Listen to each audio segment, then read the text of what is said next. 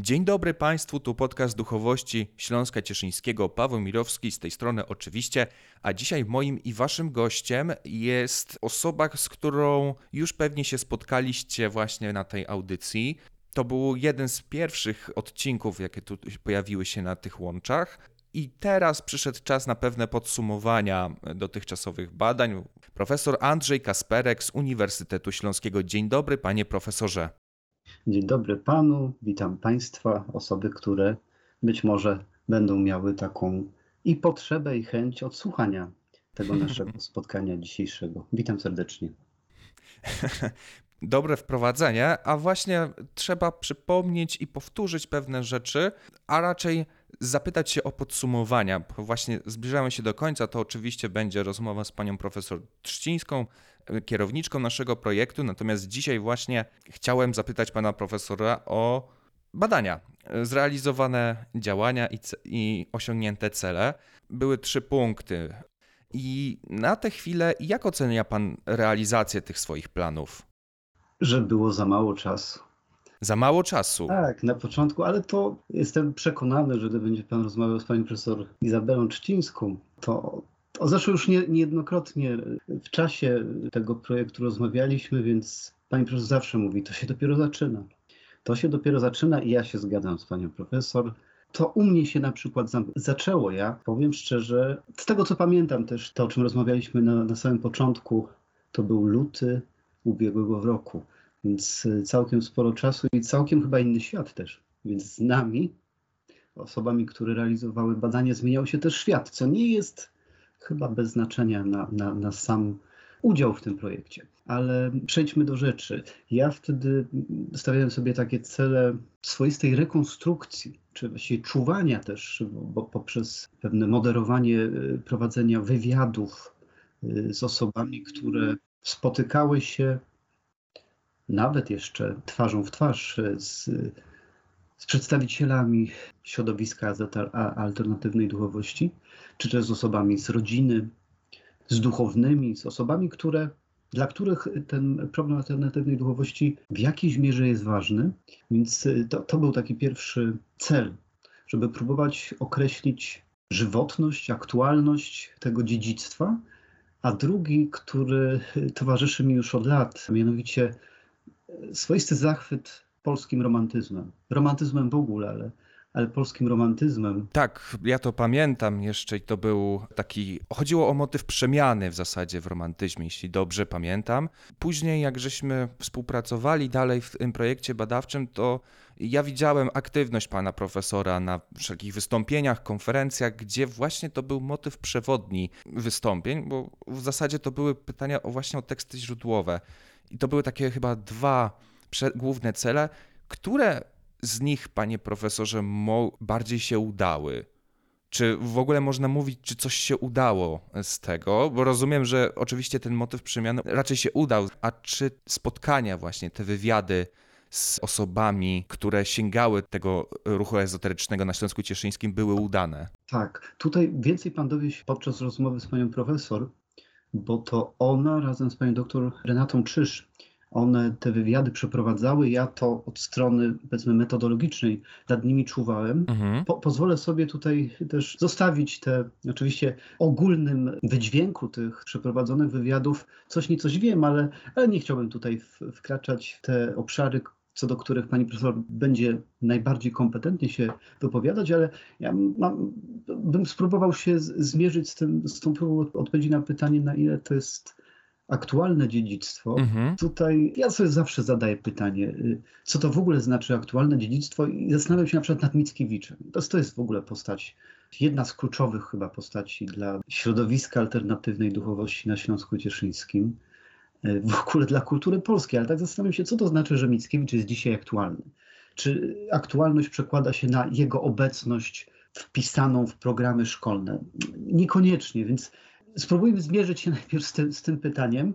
I tak, gdy też jakoś myślałem o tym od kilku miesięcy co najmniej, co, do czego to zmierza, gdzie jest ta alternatywna duchowość. Ja mieszkam tutaj w Cieszynie, więc mogę czuć to, to poprzez miejsce, poprzez lokum.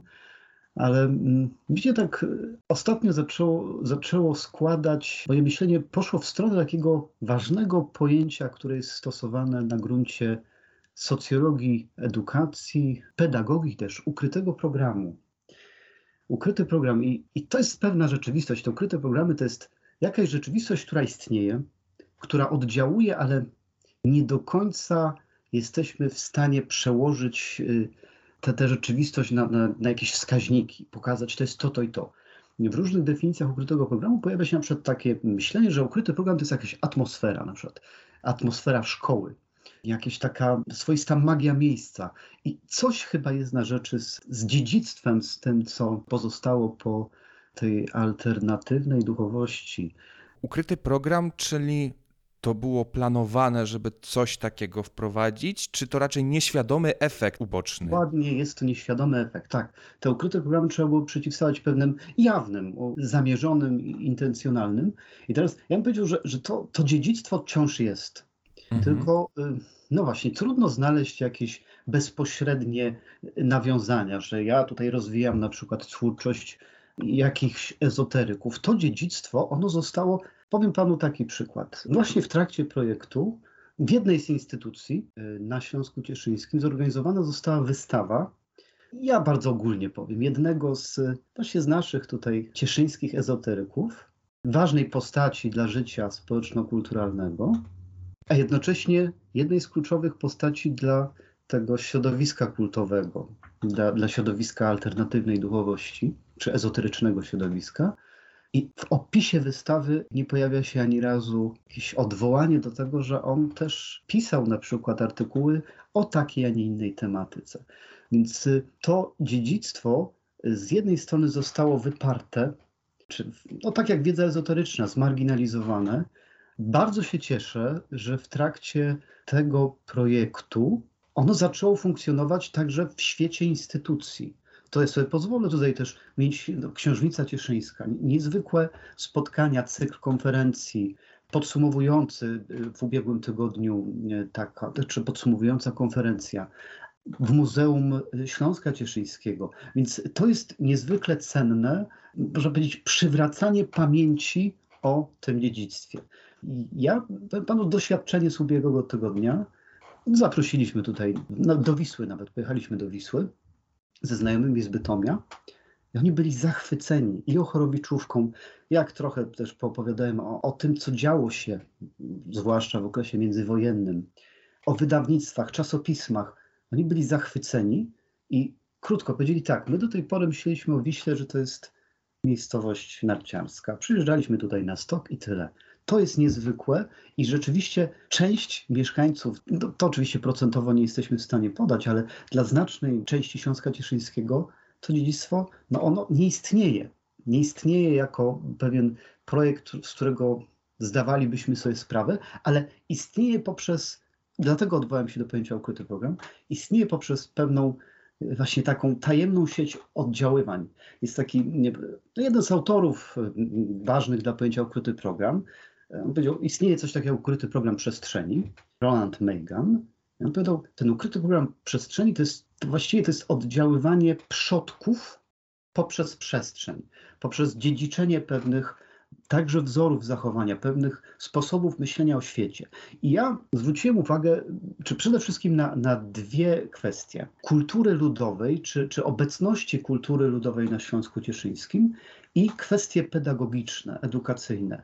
Wydaje mi się, że tu doskonale sprawdza się to pojęcie ukrytego programu, bo gdy przyjrzymy się na niezwykłą aktywność właśnie w odkrywaniu dziedzictwa ludowego. To jest funkcjonowanie. Ja wspominałem, z tego co pamiętam, po tym naszym pierwszym spotkaniu e, w ubiegłym roku o profesorze Danielu Kadłubcu. Jest niesamowite, ale tu jest całe grono. Zresztą ta etnologia na, na Uniwersytecie Śląskim też nie przez przypadek się rozwija. Muzeum Jana Wałacha, czyli niezwykły szacunek, ale też i głęboka wiedza, bardzo pogłębione badania w zakresie kultury ludowej. I to, to jest dla mnie dobry przykład tego kontynuacji, być może nieuświadomionej, ale wyrastającej z, nie wiem, z oddechów, używam takiej metafory, naszych przodków. to przecież Józef Chobot, który, to jest dla mnie odkrycie takie, Mhm. powiedział prywatne podczas realizacji tych celów wpisanych w grant. Józef Chobot niezwykle pisał o kulturze ludowej, o baśniach, legendach, że to jest skarbnica wiedzy. Ziołolecznictwo też wpisane, czyli ja bym powiedział, przejmujemy, kolejne pokolenia przejmują pewien zachwyt także tym, co ludowe, ale jednocześnie ten zachwyt został kiedyś wzbudzony, stworzony. I on niezwykle mocno był, zresztą pan też ma dobrą świadomość tego, przyglądając się ekologicznym wątkom, powrotu do natury. Ta natura tutaj współgra też y, z pewnym szacunkiem dla, dla korzeni, dla, dla tego, co ludowe. A właśnie, panie profesorze, oczywiście wspomniał pan o studiowaniu tej ludowości i pierwszej części, jak usłyszałem o ukrytym programie i mówiliśmy o ezoteryzmie, mogło dla niektórych zapalić się lampka, czy to nie jest jakby przemycanie okultyzmu. Pan profesor zwraca uwagę na te kierunki, które właśnie w samej duchowości alternatywnej były istotne. A co z tą pedagogiką? Czy tam właśnie ten okultyzm gdzieś ezoteryczny się objawił, czy właśnie chodzi o zupełnie coś innego? Bo pytam, żeby czy uspokoić, czy właśnie jednak coś jest na rzeczy. Właśnie, z tym okultyzmem. Powiem szczerze, ja, znaczy ja to pojęcie o okultyzm, socjologia okultyzmu przemycałem w kilku artykułach, ale zupełnie inaczej rozumiejąc. No To nie chodzi o czarną magię i tak dalej, Mhm. ale też uczestnicząc w różnych naszych spotkaniach, to pojęcie okultyzmu ono się niezbyt często pojawiało. Mhm. E, Ale problem polega na tym, i właśnie gdy mówimy też o, o dziedzictwie, o tym procesie spychania na margines, ukrywania pamięci o środowisku alternatywnej duchowości, to rzeczywiście tu ma, ma Pan rację. To też niestety dało się odczuć, przynajmniej u, części mieszkańców, no, zwłaszcza Wisły. Jednak cały czas funkcjonuje takie myślenie w kategoriach no, spirytyzmu, rozwijania właściwie takich, no też niech będzie trochę okultystycznych wątków. Powiem szczerze, one w ogóle mnie w pracy nie zajmowały. Dla mnie objawił się, znaczy ja przystępując do, do projektu ten, ten wątek romantycznego zakorzenienia chciałem rozwijać, ale po ponad roku prac ja ten romantyzm widzę tam już we wszystkim w zasadzie. Jeżeli prześledzimy najważniejsze idee charakteryzujące romantyzm, to znajdziemy je właściwie w stuprocentowym odwzorowaniu w tych pracach, w twórczości środowiska alternatywnej duchowości na Śląsku Cieszyńskim. Więc to, to ja też po- podejmując problem mesjanizmu, bo to było też chyba takie moje odkrycie, mesjanizm, aktualność mesjanizmu też w środowisku alternatywnej duchowości, zwłaszcza u Józefa Chobota, to zadaję sobie pytanie, na ile im udało się pokazać Mickiewicza Słowackiego, czy w ogóle polski romantyzm w bardziej wiarygodnym przekazie niż ten, który wynosimy ze szkoły. I mam wrażenie, że, że im się to udało pokazać znacznie precyzyjniej, bo uwzględnili też ten ezoteryczny wymiar. On jest bardzo mocno obecny u Mickiewicza, Słowackiego, u Wieszczów, u, u Krasińskiego. On jest bardzo mocno obecny, a wracając do pojęcia ukryty program, on zniknął właściwie w naszym y, myśleniu o Mickiewiczu, o Słowackim, o Wieszczach.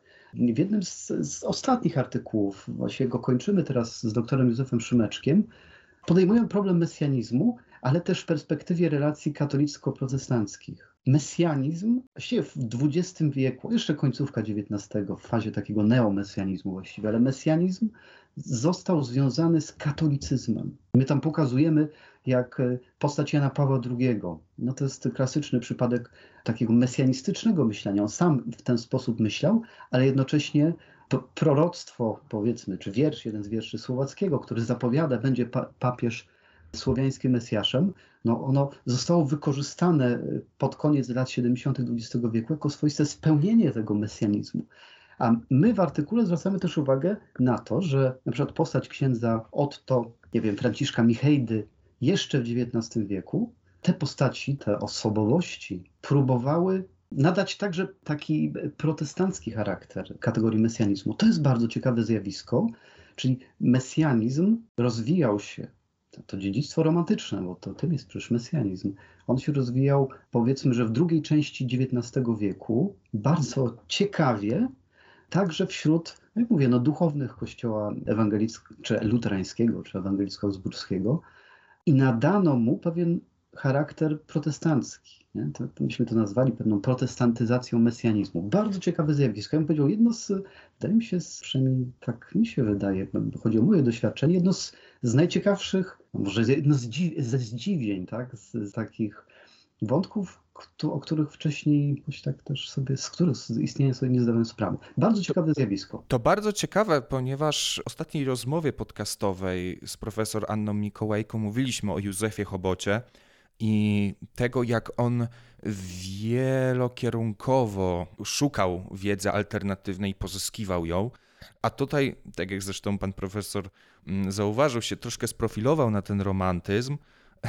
Wydaje się, że przynajmniej z Pana perspektywy, że ten romantyzm był najbardziej priorytetowy i był też patriotyczny i też miał ten wymiar duchowy. To troszkę nawet mnie zaskoczyło, że ten romantyzm, który był promowany, i on się jakoś zaadaptował do tego kościoła ewangelickiego, do niekatolickiego. I tutaj, i tutaj, ja tylko przerwę, i tutaj, i tutaj, tylko można powiedzieć, że pewnie to tak w XX wieku funkcjonowało, że mesjanizm w zasadzie związano z Kościołem katolickim. Tu mhm. jeszcze gdybyśmy spojrzeli na sytuację jeszcze XIX-wieczną. Z jednej strony protestanckie Niemcy, a ze wschodu prawosławna Rosja. I to nawet to neomesjaniści, nie wiem, no, Lutosławski na przykład, oni też dokonali pewnego zwrotu. Już nawet nie chodziło o, albo nie tylko o wspólnotę o charakterze narodowym, ale o wspólnotę o charakterze religijnym. Ten romantyzm, a i mesjanizm poszły właśnie w tę stronę takiego myślenia w kategoriach wspólnoty, ale o charakterze religijnym. Stąd znaczenie katolicyzmu. I to jest bardzo ciekawe, co tutaj się działo na Śląsku Cieszyńskim, kiedy no w zasadzie y, ten protestantyzm, który niestety był kojarzony z niemieckością, nie? z jednym z państw zaborczych, nasi cieszyńscy protestanci zaczęli y, redefiniować. Nie? wykorzystując też na przykład, a to zrobi dopiero y, nieco później Chobot, ale na przykład Cieszkowskiego, myślenie Cieszkowskiego, ja w ogóle nie wspomniałem o tym, ale to jest rzecz ważna, że mesjanizm w zasadzie on ma takie dwie twarze. Mesjanizm polski. Z jednej strony twarze wieszczów, poetów, a z drugiej strony mesjanizm filozofów. I tu mamy też pewne swoiste, nie wiem czy rozdarcie, ale takie rozdwojenie. Mesjaniści Mickiewicz, Słowacki, oni czerpali głównie idee z francuskiej tradycji, nie? takiego też trochę socjalizmu utopijnego. A na przykład Cieszkowski, czy Hojny-Wroński, ale oni, Cieszkowski zwłaszcza, bo Hojny-Wroński, on ma też te, te franc, właściwie francuskie wątki, przejmuje czy godzi, ale Hojny-Wroński przejmuje w znacznej mierze jednak z tradycji niemieckiej, Hegel czy Schelling. Więc to, to jest też ciekawe, że i to bardzo mocno wychodziło, że ten mesjanizm sam nie jest jednorodny. Mesjanizm nie był tylko ruchem religijnym, ale to bardzo mocno u widać. To był też pewien program społeczno-polityczny, stworzenia no właśnie pewnego, y, pewnej unii państw, czy, czy y, unii narodów żyjących w pokoju. Nie? Wątek pojednania tu jest jeszcze, jeszcze istotny. Te dwie osoby, Cieszkowski i Hojner-Wroński, to o kogo chodzi dokładnie, panie profesorze, tak krótko? Hojnewrońskiemu w ogóle przypisuje się, że jako pierwszy to był filozof, który będzie jest jakoś wpisywany w polską tradycję też, ale tworzył na, na emigracji. I Hojnewroński się jako pierwszy, przynajmniej tak badacze twierdzą, jako pierwszy samo pojęcie mesjanizmu zastosował. Czyli nie Mesjasza, bo to oczywiście Mesjasz ma, ma historię wiadomo, biblijną i wyrasta sama figura Mesjasza z tradycji judaistycznej, później przejęte w ramach chrześcijaństwa. Ale sam mesjanizm tworzy Hojny Wroński, ale tutaj na, na, właśnie na ziemiach wtedy zaboru pruskiego rozwijał niezwykle twórczo tę ideę mesjanizmu August Cieszkowski. Filozof, który w zasadzie, jeżeli przeczytamy Chobota, jego studium poświęcone mesjanizmowi, to ono w znacznej mierze jest i streszczeniem, i nieustannym odwoływaniem się do Augusta Cieszkowskiego. Dlaczego ja o tym mówię? Dlatego, że sam Chobot też był protestantem i on z mesjanizmu, on, właśnie ten mickiewiczowski mesjanizm był bardziej rewolucyjny, to samo słowacki. To było rewolucyjne takie oczekiwanie jakiegoś wielkiego wydarzenia, które ra radykalnie zmieni kształt świata, sprowadzi to Królestwo Boże na ziemi. U Cieszkowskiego, u Chobota, u innych przedstawicieli alternatywnej duchowości na Śląsku Cieszyńskim mamy coś, co ja nie odwołam się do tego, no, to jest takie dość starte pojęcie, ale niech będzie do pracy y, organicznej. To świetnie pokazuje Chobot. I jego mesjanizm, ja się też zastanawiałem, na ile on jest twórczy, na ile wzbogaca samą ideę mesjanizmu. Ja bym powiedział, że jeśli chodzi o Chobota, to chyba najbardziej wartościowe jest to, że on mesjanizm rozpisuje na konkretne kroki, na program. Czyli co zrobić, żeby wizja Królestwa Bożego na ziemi się ziściła, czyli powołanie pewnych no właśnie tego bractwa czasopisma, przecież to Chobot, można powiedzieć, szefował wydawnictwu też, no, mnóstwo książek publikowano. Więc y, to chyba jest takie najbardziej odkrywcze, y, czy ważne w tym, tej recepcji mesjanizmu, przynajmniej u, u, u Chobota. Brzmi to jak takie rozwój ten intelektualny, rozwój świadomości i wyobraźni społeczności. I tutaj ten łącznikiem oczywiście będzie ten romantyzm. I właśnie chciałem zapytać o tę świadomość społeczną, czy mesjanizm promocja romantyzmu przez cieszyńskich ezoteryków rozeszło się na region cieszyński? Czy to się udało? Czy ten romantyzm się zakorzenił z innych powodów, budowania, ogólnego budowania tożsamości? Jak pan profesor to by ocenił? Ja powiedział i tak, i tak. Z jednej mm -hmm. strony, to wiadomo, to świetnie Maria Janion, no to od mistrzyni interpretacji romantyzmu. Maria Janion pod koniec lat 80. postawiła taką tezę o zmierzchu paradygmatu romantycznego kultury polskiej. No tam jasno rzecz postawiła. Romantyzm w Polsce nie skończył się w XX wieku, trwał jeszcze, no, zasadzie taką cezurą dla niej jest y, Solidarność. Ja bym mhm. jeszcze dodał wybór Jana Pawła II. Kwintesencja, spełnienie, gdyby iść takim to, tokiem, spełnienie tych y, mesjanistycznych y, proroctw Słowackiego. Gdybyśmy przypomnieli sobie niezwykłe kazanie Jana Pawła II o, na placu w Warszawie. Niech stąpi duch Twój i odnowi oblicze ziemi. Tego wątku nam się nie udało rozwinąć. Ja, ja rozmawiałem między innymi też z doktorem Szymeczkiem, ale no właśnie, za mało czasu też o tym mówimy, to, to otwierają się pewne możliwości też. Ale gdyby próbować też popatrzeć, jaka była recepcja wyboru Jana Pawła II na y, papieża, biskupa Rzymu, tutaj na Śląsku Cieszyńskim, na ile właśnie ten duch uduchowienie rzeczywistości. Mesjanizm dla, na przykład dla Chobota, mesjanizm był w zasadzie, na przykład Ochorowicza próbował Chobot wpisać w taki proces uduchawiania rzeczywistości, ucieczki od y, swoistego materializmu. Nauka jest zbyt materialistyczna. To mniej więcej tyle mówi Chobot. To, to też jest pewien nowatorski element u Chobota, że on próbuje Kili Skłodowską czy Skłodowską Kili próbuje Ochorowicza wpisać w pewien proces rozwoju nauki. Nawet nauka jest tutaj elementem swoistego mesjanizmu, jest, czyli tej odnowy, przemiany, nie? bo to, to, to jest też ważny element. Co jest sednem właśnie mesjanizmu, czy, czy pojęcia upadek, ekspiacja, odrodzenie.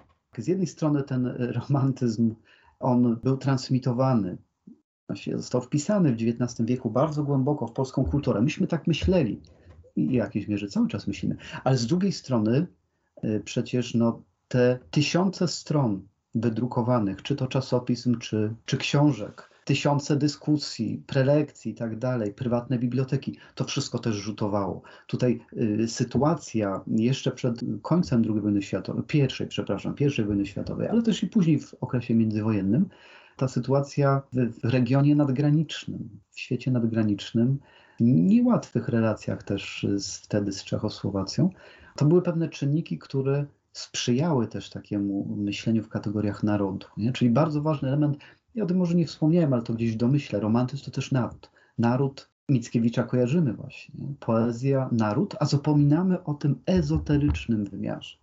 I nawet w przedmowie do jednej z prac Agnieszki Pilchowej, redakcja pisze o tym, że wielkie dzieło wieszczów Mickiewicza, Słowackiego, Krasińskiego, ono jeszcze nie zostało odkryte, to dopiero my. To jest, ja bym nie używał słowa megalomania.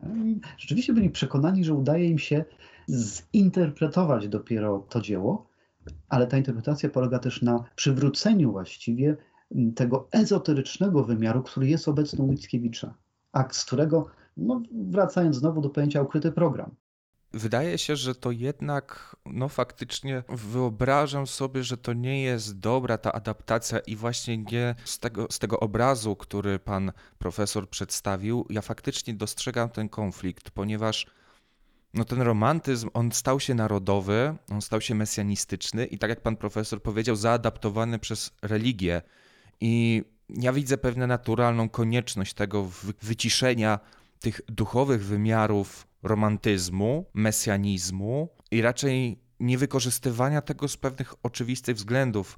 I dlatego też chciałem zadać takie pytanie, ale to już pan profesor raczej powiedział, że nie starczyło na to czasu. Chodziło mi właśnie o tego papieża, mm, o wybór Jana Pawła II, jak był odbierany właśnie przez ewangelików cieszyńskich. Tutaj się właśnie spełnia przepowiednia Słowackiego, ale nie pomyśli Kościoła Ewangelickiego. To jest nadal papież katolicki. Tak. Y, niestety nie, nie, jestem w stanie odpowiedzieć bardzo tak zdawkowo. Kiedyś rozmawialiśmy z doktorem Szymeczkiem, mówię, czy, czy u was tam wtedy jakieś dało się zauważyć oddźwięk, tak? Ale no, to jest sprawa jeszcze przyszłości.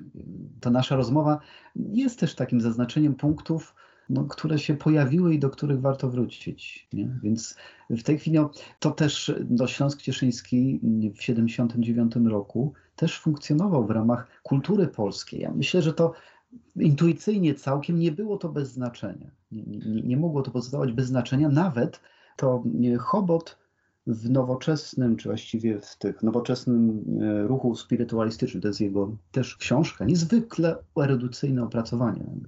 Czytając to, to jest też dla mnie takie odkrycie, jak można mieszkając no jednak gdzieś w niezbyt wielkich miejscowościach, oddalonych od, od wielkich ośrodków takich naukowych, jak można w czasach sprzed internetu nie?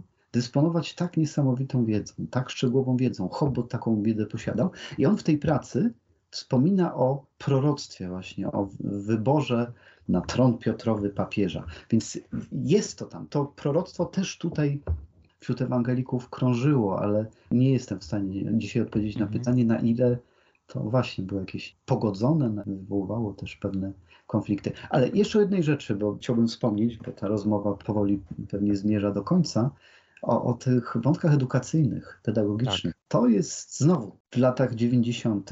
w samym Cieszynie, tak właściwie trochę z dnia na dzień powstają trzy pierwsze szkoły niepubliczne z jednej z nich powstanie szkoła alternatywna. Ja o tym panu dlatego wspominam, bo podczas sobotniej konferencji w Książnicy Cieszyńskiej z 21 października, tak dla słuchaczy wyjaśnię, zespół, a także niektórzy badacze duchowości alternatywnej z Czech zjechaliśmy się na wspólne obrady konferencyjne. Właśnie mm, spędziliśmy cały dzień w książnicy, książnicy cieszyńskiej. Tak, i doktor Radym Mikulka przedstawił wystąpienie poświęcone alternatywnym, właśnie sam pracuję w takiej alternatywnej szkole w Republice Czeskiej. Mówiąc o tym ukrytym programie, pewnym dziedzictwie, które jakoś kształtuje, oddziałuje, ale nie do końca jesteśmy pokazać w stanie te, te, dokładne przepływy idei, jakieś związki. Atmosfera. Dla mnie, jak, jak słuchałem wtedy pana doktora Mikulka, to, to jakoś tak się otworzyło, rzeczywiście coś niezwykłego w takim myśleniu też o edukacji, o pedagogice, o alternatywności. W ogóle ta kategoria alternatywności, ona bardzo mocno wybrzmiała podczas tego spotkania w książnicy w ubiegłym tygodniu, ale tutaj y, ja bym powiedział jednym z, z fenomenów, które ma pewien związek, trudno uchwytny, ale jak mówię, no, jest jakaś atmosfera y, też pewnego fermentu związanego z ze sferą edukacji. I to nie przez przypadek w tym niewielkim mieście. Cieszyn ma, nie licząc czeskiego, ale Cieszyn ma 36 czy 30 kilka tysięcy mieszkańców. W tym niewielkim mieście powstaje, od razu powstają trzy szkoły, które w jakiejś mierze były alternatywne. Oczywiście jedna związana z, z Kościołem ewangelickim, z Kościołem katolickim, ale też takie towarzystwo edukacyjne czy oświaty leży u podstaw proponowania innego spojrzenia na edukację. Oto 89 rok stwarza takie możliwości i, i się zaczyna. Nie przez przypadek. Nie przez przypadek też tutaj e, w Cieszynie cały czas kształcimy pedagogów. Chociaż muszę przyznać, że zbyt wielu e, moich kolegów, koleżanek no, tą twórczością, także edukacyjną, się nie zajmuje. Nie? To, to też mm -hmm. dla nas mhm. jest odkrywanie. To i teraz właśnie ostatnie pytanie. Jak pan profesor ocenia to zainteresowanie romantyzmem na Śląsku Cieszyńskim? Czy jest ktoś, w jaki sposób zachowało się to cieszyńskie postrzeganie, interpretowanie romantyzmu jako wyjątkowy. Czy to się zachowało, czy właśnie Józef Chobot był najistotniejszą osobą, która ten romantyzm promowała na Śląsku Cieszyńskim? Czy to dziedzictwo jeszcze końca XIX i początku XX wieku zachowało się, że Śląsk Cieszyński powiedzmy stoi romantyzmem? Mhm. Tak, symbolem, ale właśnie jest, symbolem jest to, że teatr w Cieszynie nosi imię Adama Mickiewicza. Nie? Tylko ja romantyzm rozumiem bardzo szeroko. Bardzo szeroko. Dla mnie to jest, no właśnie, to jest z jednej strony ta idea organicyzmu, pewnego powrotu do natury. To zresztą jest jedna z kluczowych idei. Organicyzm to jest też myślenie w pewnych kategoriach wspólnoty. I w to wpisane jest pewne też społecznikostwo. Organi przepraszam, romantyzm to jest też pochwała alternatywnych sposobów poznawania świata. Doskonale to, to realizowali tutaj śląscy czy cieszyńscy ezoterycy. I ja bym powiedział, mówiąc wcześniej o wychowaniu, o myśleniu o, o, o tym, jak wychowywać dzieci, ja tam dostrzegam tę aktualność jednak pewnego romantycznego spojrzenia. Bo, Mhm. bo ten mm, właśnie odkrywanie w sobie też pewnej na- natury, naturalności, więc y, bezpośrednich, tak jak wspominałem, takich bezpośrednich nawiązań, to no może właśnie mamy Mickiewicza teatr. Jest też dla mnie ciekawym przykładem Ochorowiczówka. nie? To jest, y, gdyby szukać właśnie jakichś takich bezpośrednich nawiązań do tego dziedzictwa, to pewnie można Ochorowiczówkę. Też magiczny realizm, magia miejsca, swoista atmosfera. Tak sobie właśnie myślę o. W Cieszynie teraz powstała pewien oddział tego samego muzeum, więc mamy w Wiśle i w Cieszynie obecnie dwa miejsca, które nawiązują do Ochorowicza, a jednocześnie wiążą się też. To jest takie muzeum trochę, no tak, malarstwa fantastycznego. Fantastyka to najkrótsza definicja fantastyki to jest wkraczanie tajemnicy w codzienność. Nie mam żadnej wątpliwości. To też mnie przyciąga do badania dziejów alternatywnej duchowości na, na Śląsku Cieszyńskim, że te, ten wątek niesamowitości jest też obecny. Czyli badanie pewnej tajemnicy, która wkracza w życie codzienne. Więc jeszcze raz wrócę do tego właściwie, od czego zacząłem. Może mniej jest, i to jest trudniej uchwytne, jak mówię, ten grant na pewno jest pewną formą odtworzenia, przywrócenia pamięci o alternatywnej duchowości. Być może. Zresztą Ochorowiczem się, Ochorowiczem się zajmują osoby. Y, Myślę, że efektem, mam pewność, że efektem tego projektu będzie też to, że, że zaczną się też prace na poszczególnych, bardziej intensywne prace na, na innych y, badaczach. Tu mogę odesłać y, do właśnie rozmowy z dr Anną Olszewską, z którą rozmawialiśmy o Julianie Ochorowiczu właśnie w ramach e, naszych prac No, on badawczych. tam jest powiedzmy jeszcze stosunkowo najlepiej znaną postacią, chociaż też jak na skalę zasług cały czas nie, niedocenianą. I chyba tak jak zwraca pan profesor uwagę na to, że powiedzmy właśnie w takim płótnie cieszyńskim są nici, które się wyróżniają, wyróżniają się romantyzmem, a z drugiej strony one przenoszą pewne tradycje, które, na które naciskał Józef Chobot. Tak bym to podsumował. Jedną przerwę, ale myślę, że istotną. Koszęcin, zespół, folklor. Stanisław Hadyna jest twórcą tego, pierwszym dyrektorem zespołu, a jednocześnie, chociaż jest to zespół, który no, odtwarza powiedzmy folklor, rekonstruuje, ale jednocześnie jest w tym, z czego sobie nie zdajemy sprawy i warto na to od tej strony popatrzeć, że to, że Hadyna stworzył zespół, wyrasta z jego życiowego doświadczenia. My widzimy pewne formy, ale warto przyjrzeć się też, z czemu to wyrosło. Znowu z tego faktu fascynacji, czy zafascynowania także ludowością, Mhm. słowiańszczyzną. A odsyłam do książki Marianion. E, niesamowita słowiańszczyzna, romantyczne właściwie, romantyczne odkrycie słowiańszczyzny. To romantycy odkrywają słowiańszczyznę, dziedzictwo słowiańskie. No tak, no właśnie. Szanowni Państwo, podsumowanie właśnie badań zorientowane jest, tak, już tak podsumowując, właśnie na tym, jak bardzo romantyzm, ten duchowy, te, jako, jako nurt alternatywny, nie tyle podstawowy w, w twórczości w ogóle, w naszej świadomości ogólnopolskiej, ale właśnie jako coś, który w, rozpoczął właśnie te nurty alternatywne i zachował się na Śląsku Cieszyńskim. Na ten temat właśnie miałem przyjemność rozmawiać z profesorem Andrzejem Kasperkiem z Uniwersytetu Śląskiego. Panie profesorze, serdecznie dziękuję za podsumowanie tych pana prac badawczych. Ja też dziękuję za bardzo miłą rozmowę. Państwu również y, dziękuję za odsłuchanie rozmowy i mam nadzieję, że, że nie kończymy, czy w jakiejś innej formie będziemy mogli się też w innych może miejscach, ale spotykać i rozmawiać o, o Śląsku Cieszyńskim, albo też szerzej, ale myślę, że, że o Śląsku Cieszyńskim na pewno. I właśnie dlatego mówię do następnego razu. Do następnego razu.